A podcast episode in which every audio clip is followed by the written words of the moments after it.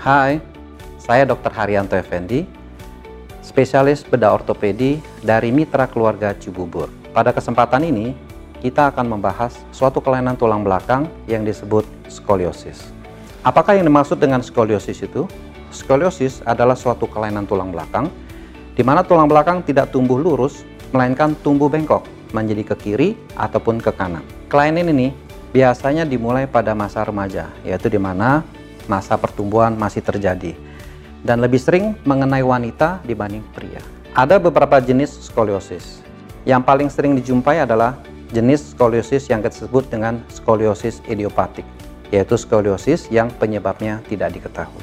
Skoliosis yang lain adalah skoliosis neuromuskuler, yaitu skoliosis yang disebabkan oleh adanya kelainan pada saraf dan otot.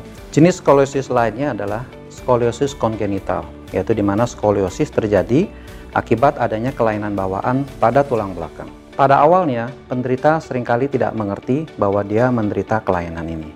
Tetapi pada saat penderita bercermin, maka dia bisa melihat bahwa bentuk dari bahunya tidak simetris antara kiri dan kanan. Yang bisa diperhatikan juga adalah adanya ketidaksimetrisan dari tulang panggulnya, di mana salah satu sisi dari tulang panggul bisa lebih tinggi daripada sisi lainnya. Pada saat berbaring, penderita juga biasa merasakan bahwa salah satu tulang belikatnya lebih menonjol. Dan pada saat pasien berdiri, maka pasien juga bisa merasakan bahwa salah satu tungkainya lebih panjang dibandingkan dengan tungkai lainnya. Umumnya pasien tidak merasakan gejala, namun beberapa pasien mengalami nyeri di punggung dan kadang-kadang mengalami sesak nafas. Bila terdapat tanda-tanda demikian, maka sebaiknya diperiksakan ke dokter Dokter akan melakukan pemeriksaan fisik dan biasanya dokter akan meminta pemeriksaan ronsen tulang belakang. Dari ronsen tulang belakang tersebut akan nampak ada tidaknya skoliosis.